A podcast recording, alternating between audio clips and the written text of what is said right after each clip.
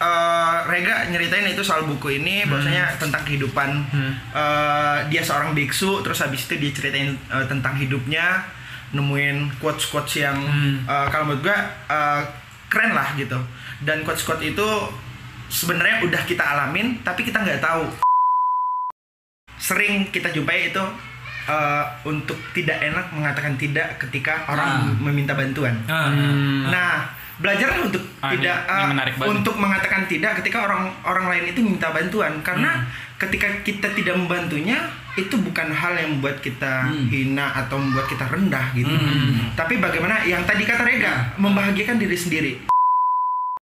Eh, bahasanya eh, enak ya, enak buat diterima ya. Menurut gua ini satu prestasi dari penerbit eh, pop KPG ya. Hmm. Banget menurut gua. iya. Karena emang lupa terjemahan. dipotong ditaruh depan ya. Iya pasti, pasti, pasti, pasti. Bismillah keterima KPG. Get it when I get back.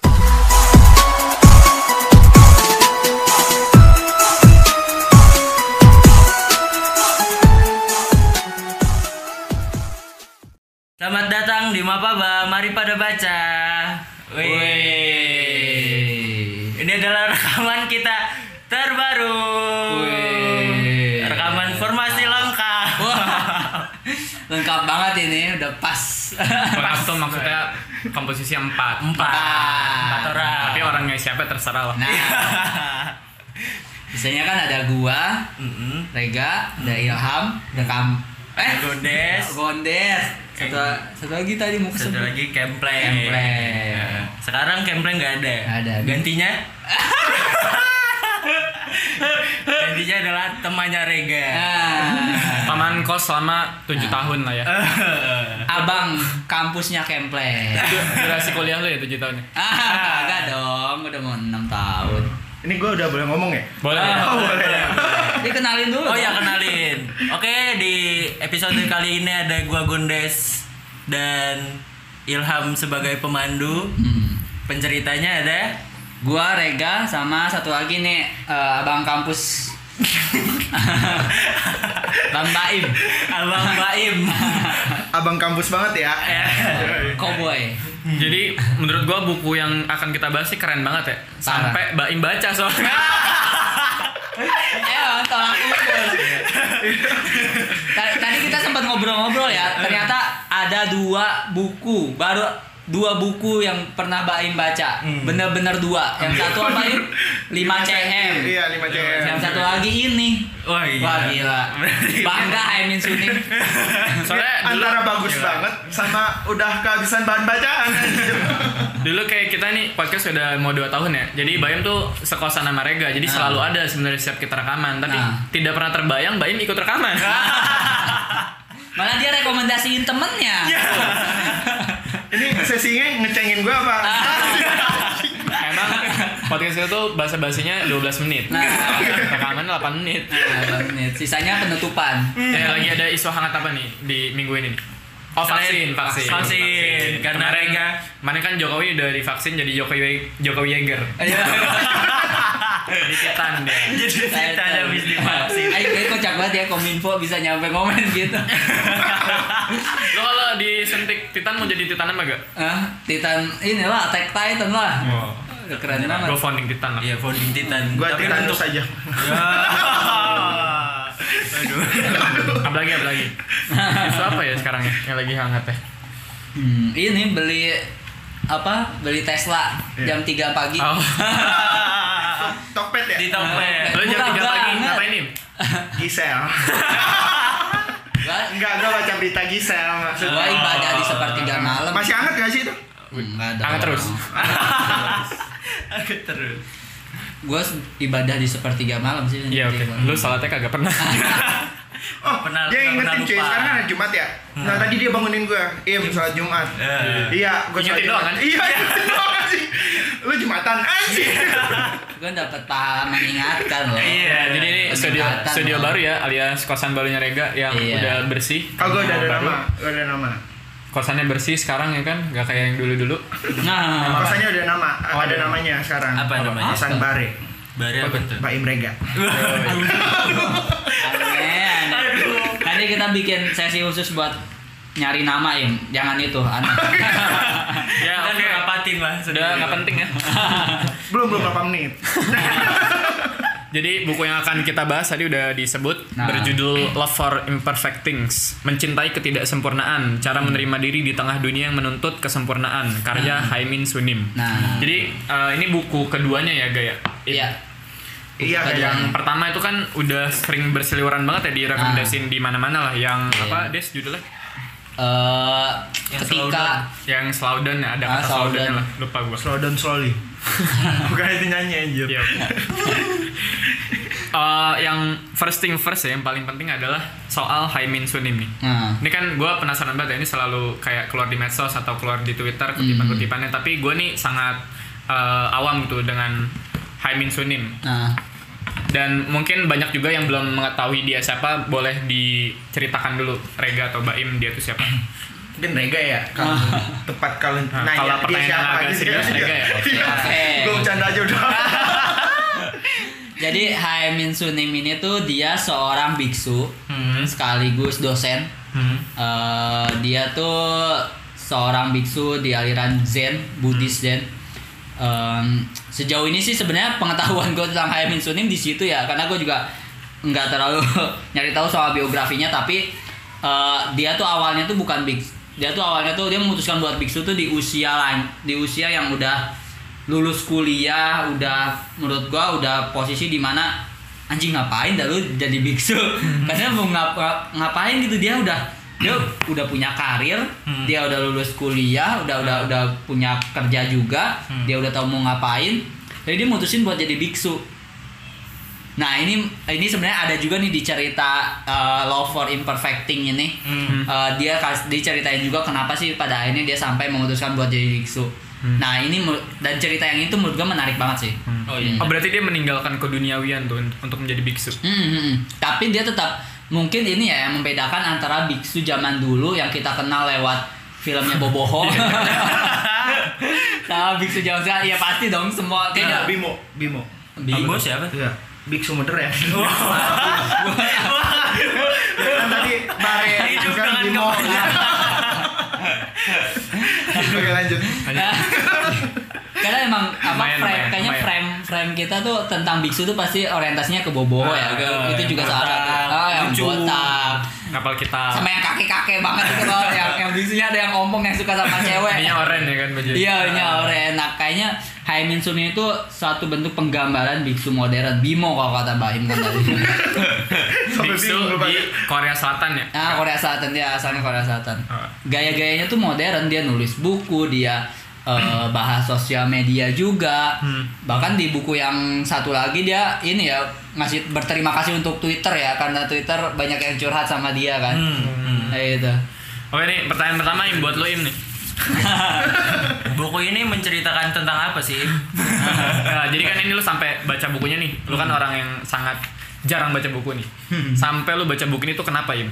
Dan buku ini nih un- untuk lu seperti apa nih bagi lu? Ya gue juga penasaran sih, Im. Kenapa sih? Gimana? Cuma ikutan. Padahal gue waktu itu Ikutan doang. Padahal gue waktu itu ngerekomendasiin buku ini ngasal aja sih, Im baca dah buku ini kayaknya cocok buat lu. Eh beneran dibaca kelar lagi. Karena memang eh, kalau pas Rega eh, nge ini ya ngasih rekomendasi buku, baca nih Im gitu. Hmm. Pada saat itu gue lagi pusing-pusingnya gitu ya. Hmm. Pusing, Pusing. dengan kehidupan Oh, kehidupan duniawi terus habis itu ya sekarang eh, bukan pusing sih tapi dipusingkan Hmm. oleh eh, yang skripsi gue yang nggak kelar-kelar. Nah emang gue yang nggak gerak sih sebenarnya. Cuman bisa nggak sih ini skripsi kelar tapi nggak gerak gitu loh. Bisa, selalu punya duit. Nah masalahnya itu juga gak? Oh. nggak punya duit juga kan? Gue punya referensi buku buat lo kayak gitu. Malas tapi sukses. Lo akan mencari cara termudah untuk menyelesaikan kondisi sulit. Contoh bayar orang, Nah. ngejoki. Cuman gue nggak masih idealis banget gitu loh. Ah. Eh, pengen Susah sih, judul emang kalau skripsi udah yang kayak seperti gitu. ini Hmm, ayo, nggak oke, mau bayar orang ya seperti itulah nah pada akhirnya eh, Rega nyeritain itu soal buku ini bahwasanya tentang kehidupan eh, dia seorang biksu terus habis itu dia ceritain eh, tentang hidupnya nemuin quotes quotes yang eh, kalau menurut gua eh, keren lah gitu. Dan quotes quotes itu sebenarnya udah kita alamin tapi kita nggak tahu itu eh, seperti itu tuh eh, bahasa yang bagusnya seperti itu. Dan akhirnya ya udah gue baca. Dan kelar kelar. belum belum kelar ini. Lagi Belum lah ya. kelar dikit lagi. Bah, ya tinggal setengah bab lagi lah. Hmm. gitu. Ya akhirnya gue baca ya enak aja dengan bahasa bahasanya yang emang ringan mudah dipahami dan Hmm. eh menurut gue ya menimbulkan energi energi positif Ah, aja Asik. anak psikologi positif Psikologi positif, Bapak Selikman. bukan Pak Rahman oh iya bener. Parah banget. Tiga kan lu apaan?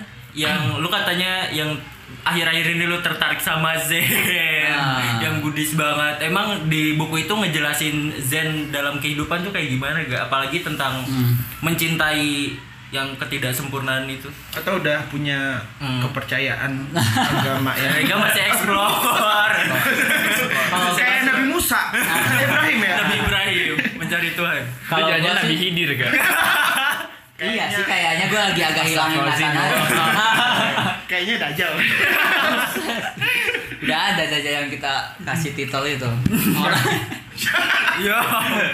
Nah, udah jangan gosip. Ini jadi eh, satu yang menurut gua keren di Hayamin Sunim ini ya. Dia memasukkan eh, dia sudut pandangnya itu sudut pandang Buddhis. Eh, dia ngasih gambaran, ngasih cara berpikir seorang Buddhis Hmm. dan juga ngasih apa solusi-solusi dengan gaya Buddhis tapi dia tidak pernah eh, bukan dia ada sa- satu dua kata lah yang dia ngomongin soal alirannya Buddhis Zen tapi dia tidak secara gamblang me- memberikan pengajaran itu gitu. Tidak secara gamblang mendakwahkan Buddhis aliran Zen ini. Hmm. itu menurut gua keren sih di caranya dia ya di Haimin caranya si Haimin Sunim ini. Maksudnya ini bisa di bisa di apa ya bisa di di coba juga buat semua buat aliran agar agama lain kalau mau berdakwah dengan cara ya lewat buku dan dan apa dan eh, dengan cara ya tidak secara, secara langsung gitu. Karena dia kayak gitu bre. Dan tapi gue tak gue dapat gitu sudut pandangnya Hmm. dapat maknanya. Dan ketika lu tahu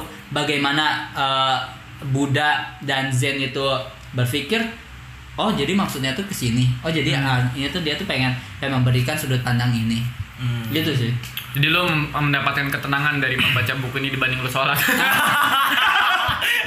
bukan Tapi kayaknya bukan- agama lu lebih cocok Buddha deh. Nggak tahu ya. Coba coba bukan ikutin gue ya. Bukan.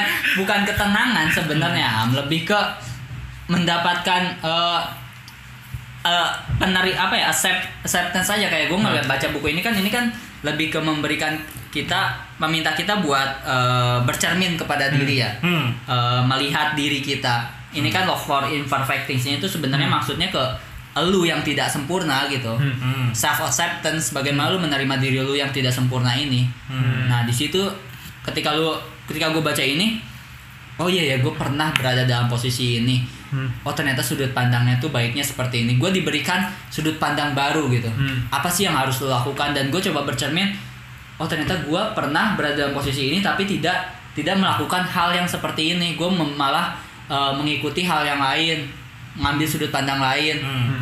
itu mungkin yang menyebabkan gue berada pada posisi ini gitu kayak gitu fix sih gak Apa? Apa? salah agama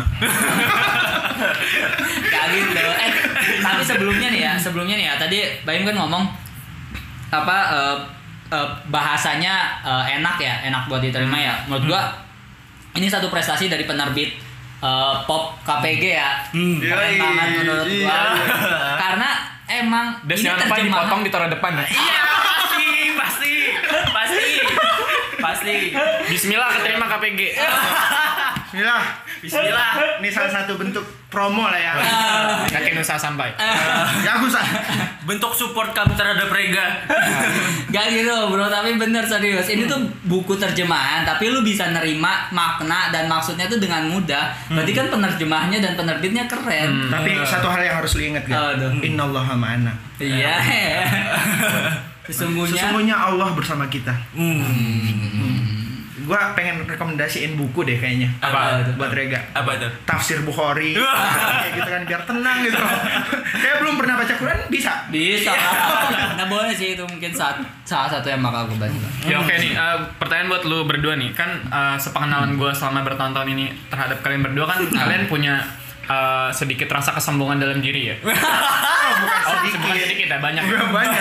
Gua nggak mau langsung. lah bedanya sama lu apa aja Lo merasa ada yang terketuk nggak setelah baca buku ini? Ah. Gue selama ini ah gue selalu ngerasa besar sendiri atau gue ngerasa Ternyata gue ah, iya, ternyata gue nggak sesempurna. kayaknya lu negatif banget deh gua gitu Gimana gimana? gue terketuknya itu kayak gini gue duluan ya Ga? Iya, iya. jangan, jangan marah jadi gue terketuknya itu bukan wah harusnya gue seperti ini atau wah gue salah nih selama ini wah gue selalu, eh, terlalu sombong selama ini enggak tapi gue terketuknya wah udah bener Itulah bedanya. Itulah. Tau lah ya. Gua gak, gua gak, gua tarik kata-kata gua Haemi Kuning merasa bangga. Ini kayaknya Haemi Kuning merasa gagal. Nulis buku bukan nyadarin orang malah bikin orang tambah sombong. Gimana gimana gimana? Gak apa-apa interpretasi orang beda. Iya. Iya, gue merasa hal ini sudah gue lakukan selama ini gitu. Itu yang terketuk sebenarnya, bukan yang lu bahasakan tadi buat. Hmm. Oh gue enggak, gue gak menuduh. gue ya. mempertanyakan aja. Ya seperti itulah gitu kayak kayak misalnya ini udah gue lakuin, terus habis itu ya Nah. untuk sekarang itu bagaimana lebih banyak hal yang gue lakukan dan cara berpikirnya seperti ini dan dan gue pun nggak eh, menafsirkan bahwasanya ini hanya ada di Buddha, enggak. Tapi ada di Islam juga, Hmm. bahkan Oh, lebih banyak lagi. Gitu. Ini mantap nih. Iya. Nah gitu makanya gue pengen tadi rekomendasiin Rega karena kan bukunya membuka pikirannya tadi terus membuat aduh relaksasi banget ya. Dan akhirnya gue rekomendasiin coba baca Quran ya enak banget. Boleh, boleh, Hi- boleh. eh, hidayah itu jangan dipaksa. Ah, makanya gue gak maksain. Rekomendasi. setiap buku emang selalu menjadi pencerahan. Gimana gak? Gak? Menurut lu gak? Pertanyaan gue gak? Eh, mungkin beda ya gua sama Baim karena Oh emang beda Baim harus. tuh harus beda. ada kesombongannya emang tinggi banget. Kalau gue tuh udah mulai eh, turun lah ego gue. Nah ini ngaku Aku udah mulai turun lah. Oh iya kan dia Coba berarti, dia berarti, sendiri aja. berarti kan dia menerima ketidaksempurnaan dia Oke, dong. Iya. Menerima oke. diri. Sepakat. Ayo lanjut. Lanjut lanjut lanjut gak? Potong terus.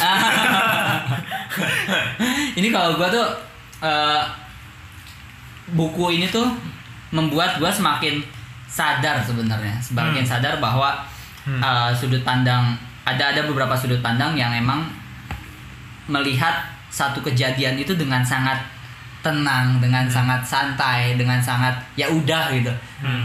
Stoik, kalau kalau sekarang kan lagi cukup naik ya gaya hidup stoik, filsafat stoik tuh lagi mulai hype lagi nih. Gue ngeliat ini stoik, stoik juga nih dia tuh, karena dia tuh ya hal yang di luar di luar apa ya Kendali. kendali dia tuh ya dia nggak memperdulikan ya udah fokus lu tuh ya sama diri lu sendiri aja yang bisa lu kendalikan adalah keputusan lu sendiri Hmm.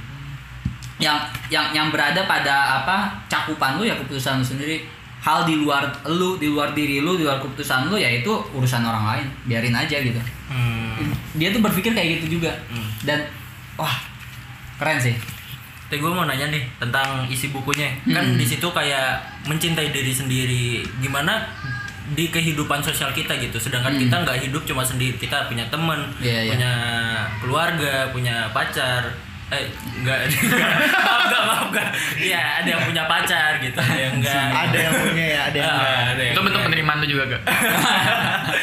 Terus di dalam buku itu tuh dijelasin nggak sih bagaimana kita berinteraksi sosial apa dengan orang lain gitu selain mencintai Ah. diri kita sendiri apa mencintai diri sendiri dengan orang lain juga gitu.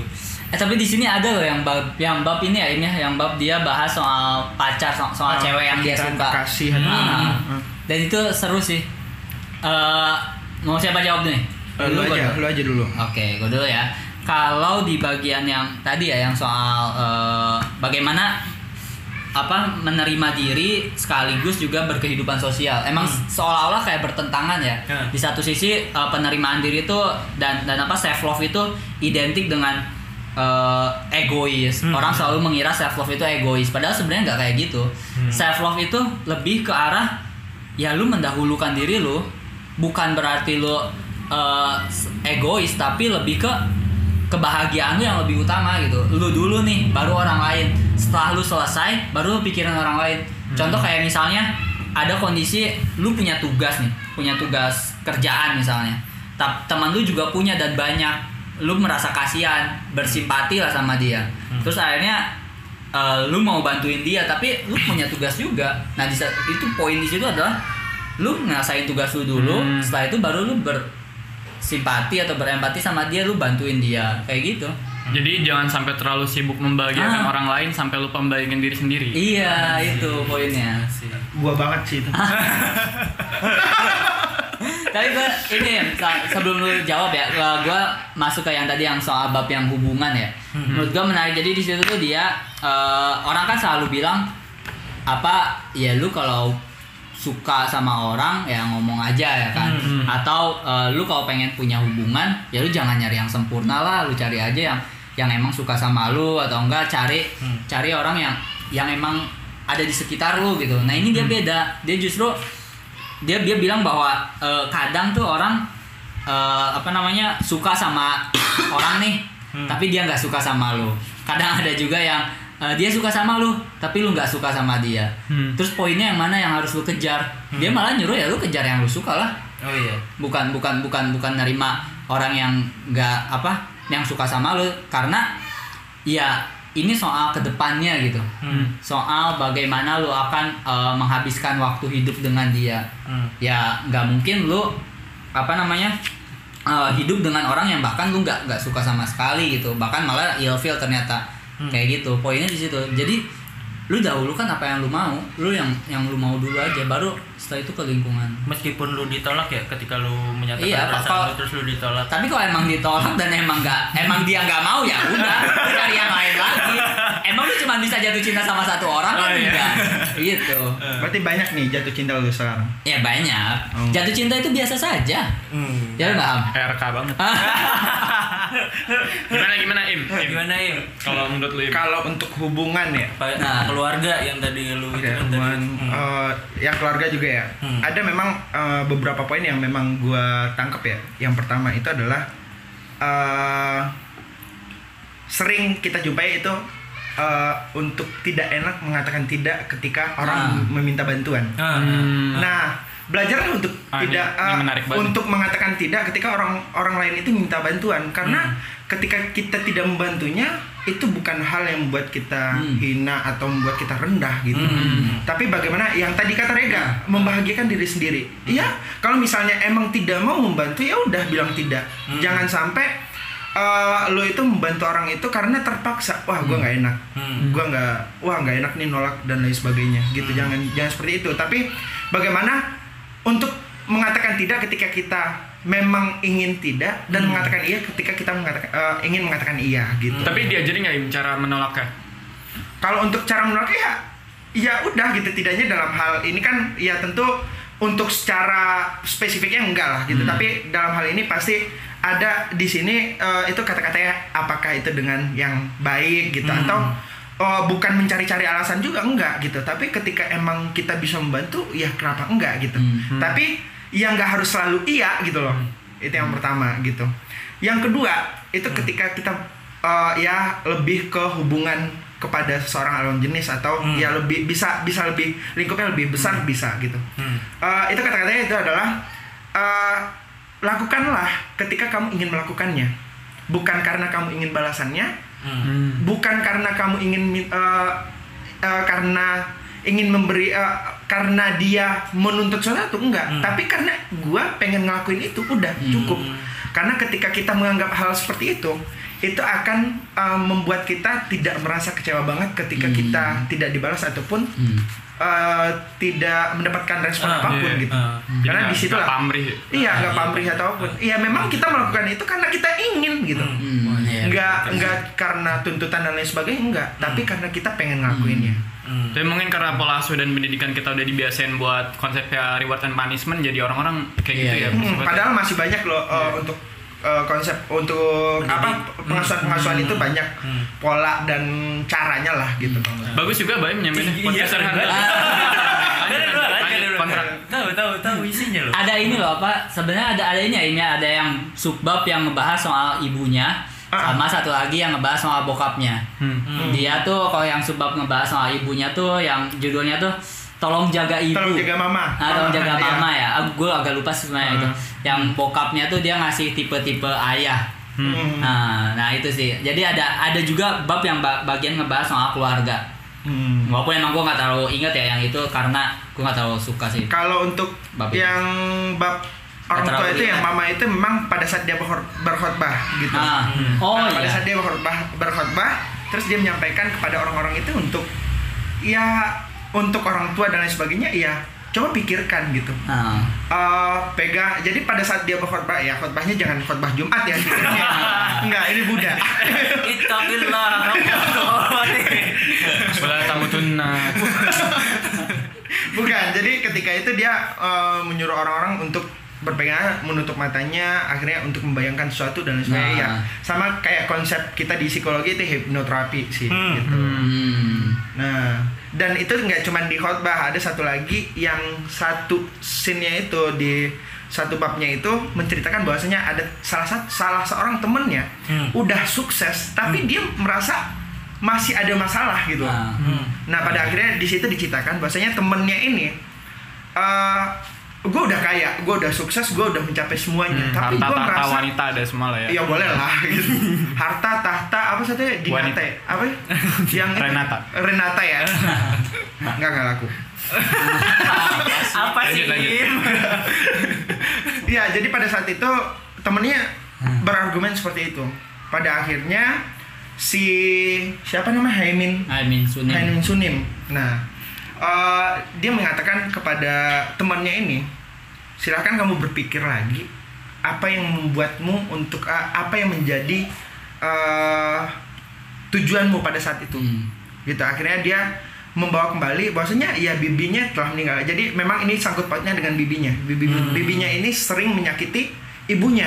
Hmm. Dulu dia miskin. bahwasanya dia miskin. Hmm. Bahwasanya lu nggak bakal sukses, lu nggak Ah. bakal akhirnya ya pada saat itu dia uh, ingin gua harus sukses gitu. Hmm. Nah, jadi pada saat dia sukses, tapi pada saat dia sukses itu bibinya sudah meninggal. Oh. Akhirnya si Haimin ini menangkaplah bahwasanya titik permasalahannya itu adalah di situ. Akhirnya apa? Ketika itu dia uh, membawa temannya ini ke masa pada saat itu dia me- um, Nyuruh, mau nyuruh bayangin. ngebayangin Hmm. Uh, pada kondisi di mana dia disakiti oleh bibinya pada saat itu. Hmm. Kayak dibawa ke situ kayak kayak kayak konsep hip- hipnoterapi gitu. Iya. Nah, Oh, gua Jadi- bayangkan di depan rumahmu ada bendera kuning. Nangis. gitu. Ternyata Penny. Ada yang lagi nikah. Kopri. nah gitu jadi pada saat itu dia bawa ke sana bawa ke sana pikirkan pada akhirnya si Haimin ini menyuruh temannya ini untuk pikirkan kamu dalam kondisi itu dan kamu adalah anak kecil tersebut. Hmm. kamu tidak perlu mikirin sopan santun gak perlu apa pun. Apa yang ingin kamu sampaikan sampaikan. Hmm. mau katanya nggak sopan mau katanya nggak santun kepada orang tua katakan Ya, di anjing-anjingin lah pokoknya tuh bibinya. Iya. Anjing lu. nggak juga anjing Pakai bahasa Korea dong. Iya, Iya, bahasa Korea. bahasa Korea anjing apa gak Gimana? Sedikat. Bukan, beda Thailand. Sekian? Ah. Brengsek aja. Mampus lu tante. Sekian. Kayak Tante gitu. Goblok, Iya. tante Aseo. Dan pada akhirnya apa? Ada sel. Dia ingin menyebutkan hal itu, akhirnya temannya itu mengucurkan air matanya. Ah. Dan pada saat itulah dia menemukan titik masalahnya itu atau titik penyelesaiannya itu adalah bahwasanya dia hanya ingin diakui oleh bibinya. Hmm. Seperti itu. Gua kira dia cuma pengen mengumpat doang. iya, gue pikirnya juga kayak gitu gitu. Harusnya dia main echo aja.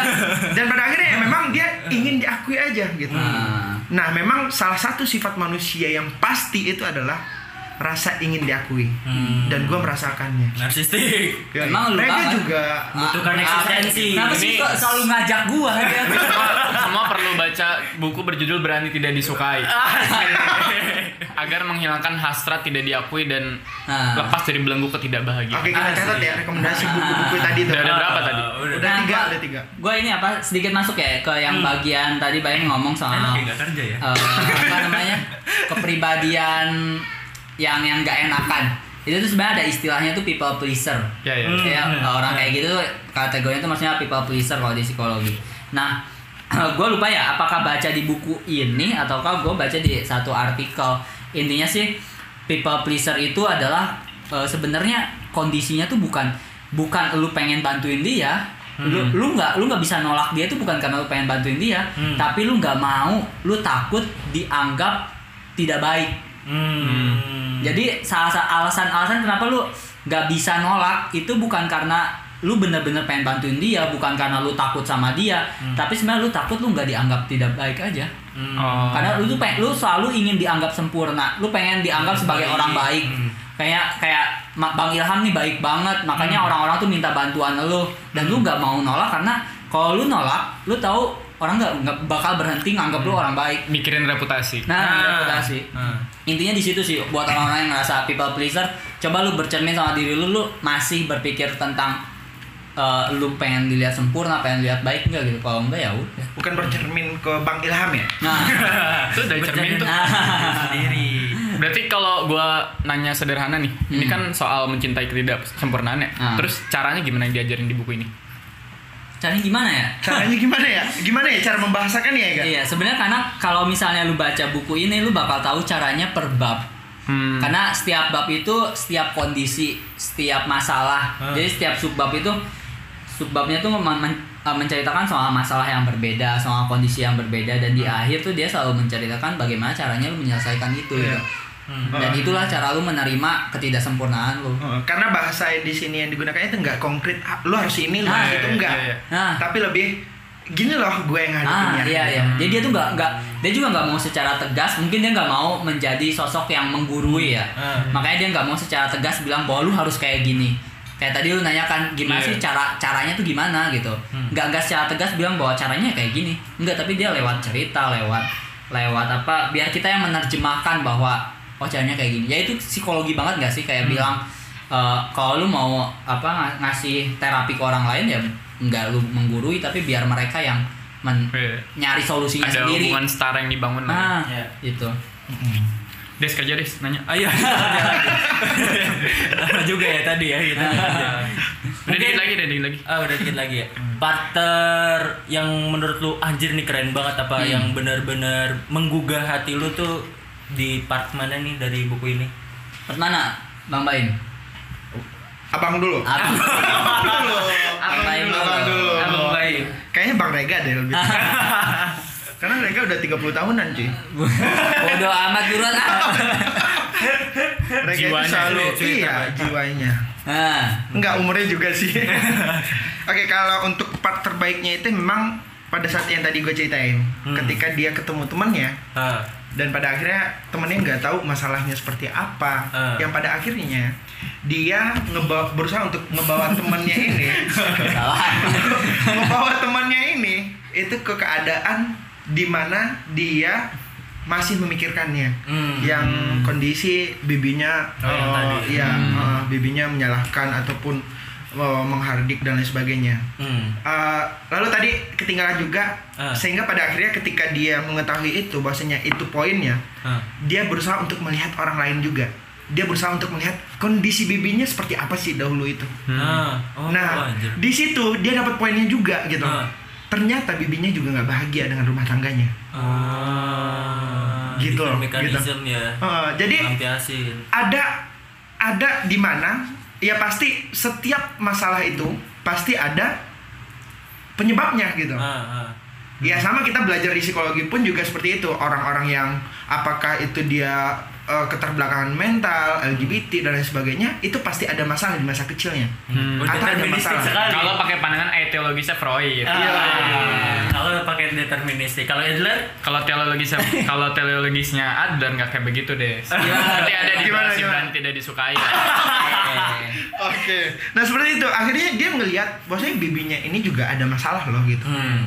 Yang pada akhirnya dia bisa memaafkan bibinya ini. Hmm, wah Gitu. itu ya pentingnya Iya. memaafkan itu walaupun sulit Uh, ya. ya, satu lagi itu kan uh, salah satu juga uh, kata almarhum Syekh Ali Jabar, Hmm. Cali Jaber. tingkat paling tingginya itu ya maafkan gitu. Hmm. Gue terenyuh nih gue sedih. Nah itu gak, itu di Islam gak? konsep forgiveness dalam Islam. Iya iya. Parah gue gak terenyuh nih sekali Jabar. Anjir, anjir gak tuh gak? Iya kita merenungkan cipta dulu mungkin. Tapi ya. kalau untuk memaafkan Rega, ya agak sulit ini. Nggak tahu ya siapa orangnya ya. turut berduka cita ya atas Oh iya, untuk meninggalnya meninggalnya ulama. Ulama Pemersatu umat. Hmm.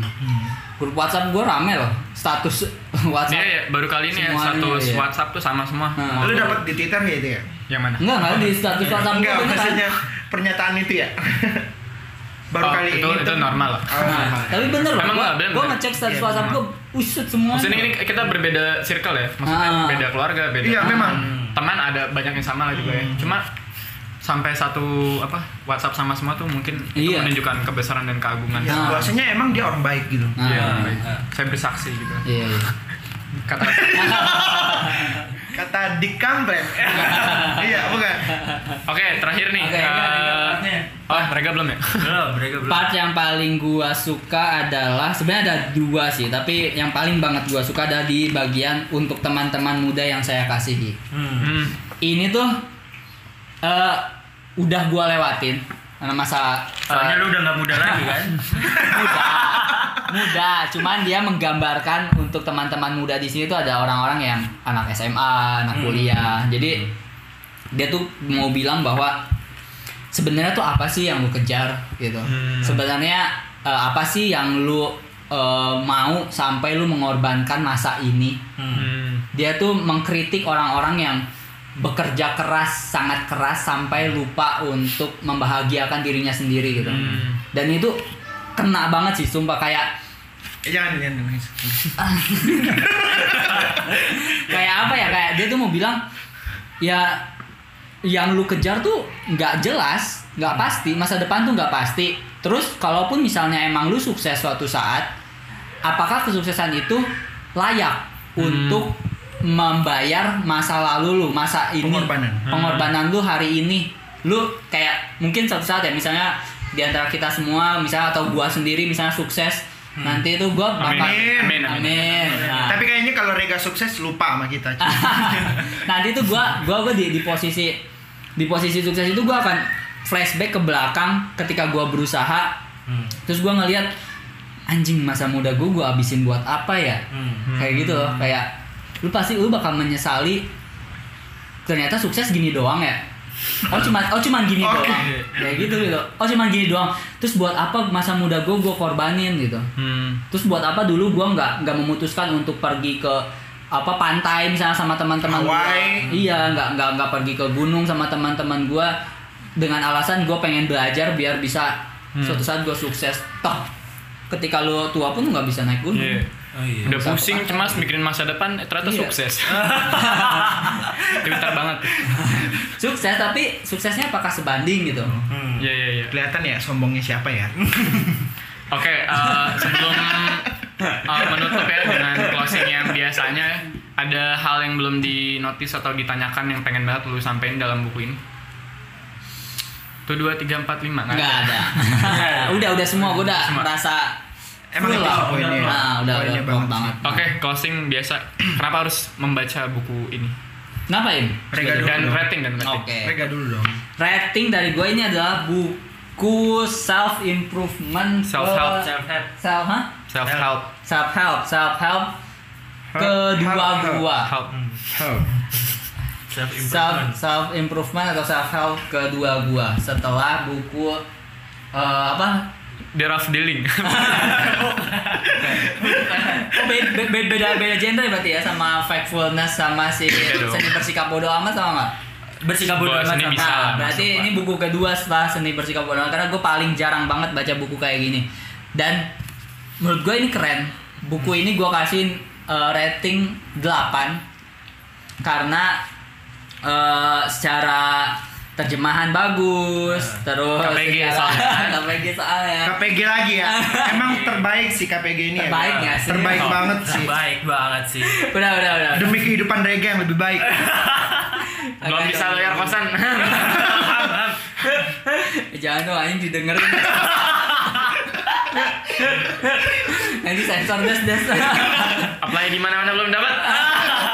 Nah udah udah udah nih jadi kenapa karena lu bakal flashback ke diri lu kalau lu udah cukup berumur lu bakal flashback ke diri lu zaman dulu dan lu bakal jadiin ini sebagai pelajaran untuk lu hidup ma- di sisa waktu lu gitu. Hmm. Tapi kalau lu sekarang masih muda, lu ini bisa jadi panduan lu buat eh, apa ya menjalani kehidupan ketika lu menemukan masalah-masalah yang serupa. Kayaknya udah tua banget ya. Terlihat kebijaksanaan. Menjiwai. Emang udah menjiwai, bijaksana. menjiwai Gimana? tua itu ya. Gimana Im? Gimana Im? Oke. Kenapa harus baca buku Yoi, ini? penasaran banget nih gue nih. Nah. Jawaban lu. Ih, Kenapa harus baca buku ini? ih, greget banget nih gue. Nah, Kenapa ya? Lagi nyusun kalimat yang bagus banget. Iya. Pasti. Eh, Belum itunya. Oh, udah ya. Udah. Udah, udah. 8 dari 100. kalau untuk kenapa? Yang pertama itu adalah eh, untuk diri lu sendiri. Hmm. Karena di buku ini eh, untuk eh, pengalaman-pengalaman ataupun kisah-kisahnya itu mudah dipahami untuk diserap ke dalam diri kita gitu. Hmm. Nah, eh, dan hal ini belum belum belum tentu ini belum kita alamin. Hmm. Tapi sebenarnya kita udah ngalamin ini semua. Hmm. Tapi kita nggak tahu nih. Oh iya, oh iya gitu. hmm. Jadi untuk membaca buku ini itu eh, direkomendasikan untuk orang-orang yang punya masalah ataupun orang-orang yang memang tidak tahu ingin ngapain lagi Hmm. gitu. Untuk ke depannya seperti apa sih? Apa sih yang mau gue lakuin? Lu masuk kategorinya mana tadi? gue lebih ke punya masalah Oh. sih. Berarti kalau dalam tafsiran lu nih buku-buku orang yang cukup buat orang yang problematik doang nih. Enggak juga, enggak, enggak. Oh. Karena ya lebih tepatnya orang-orang yang punya masalah ataupun enggak semua orang juga yang bisa baca buku. Tapi semua orang punya masalah lah ya pasti. Eh, iya pastilah. Hmm. Ya kecuali Apa yuk? Rega lah. Aduh. Bawa terus. Masalah aku tuh udah Bawa terus. Gak ada masalah Complicated duniawi, ya? gue meninggalkan dunia. Nah terus habis itu eh untuk ratingnya, ya, Joy. ratingnya gue nggak tahu nih ratingnya mau gue padanin nama apa? Sama 5 cm. iya 5 cm lah Dua buku yang lu baca itu lah. Beda genre cuy, Oh, nggak bisa yaudah, disamain yaudah. ratingnya. Kalau rating sih gue nggak bisa ngerating sih kalau untuk dalam hal buku seperti ini gitu. Hmm. Karena menurut gue eh buku itu semuanya pasti ada manfaatnya. Pasti dong. Pasti. Ya, pasti ada manfaatnya, Akan- pasti ada nilainya. Pasti. Nah, Dan ratingnya itu tiap orang itu ya, kalau menurut gua, gua nggak bisa ngerating. sih. Politis banget Ah, jawabannya. iya. Jadi subjektif loh permintaannya Iya, juga. Iya, tapi gua nggak bisa ngerating cuy. Ah, ya oke. Iya. Jangan paksain gua.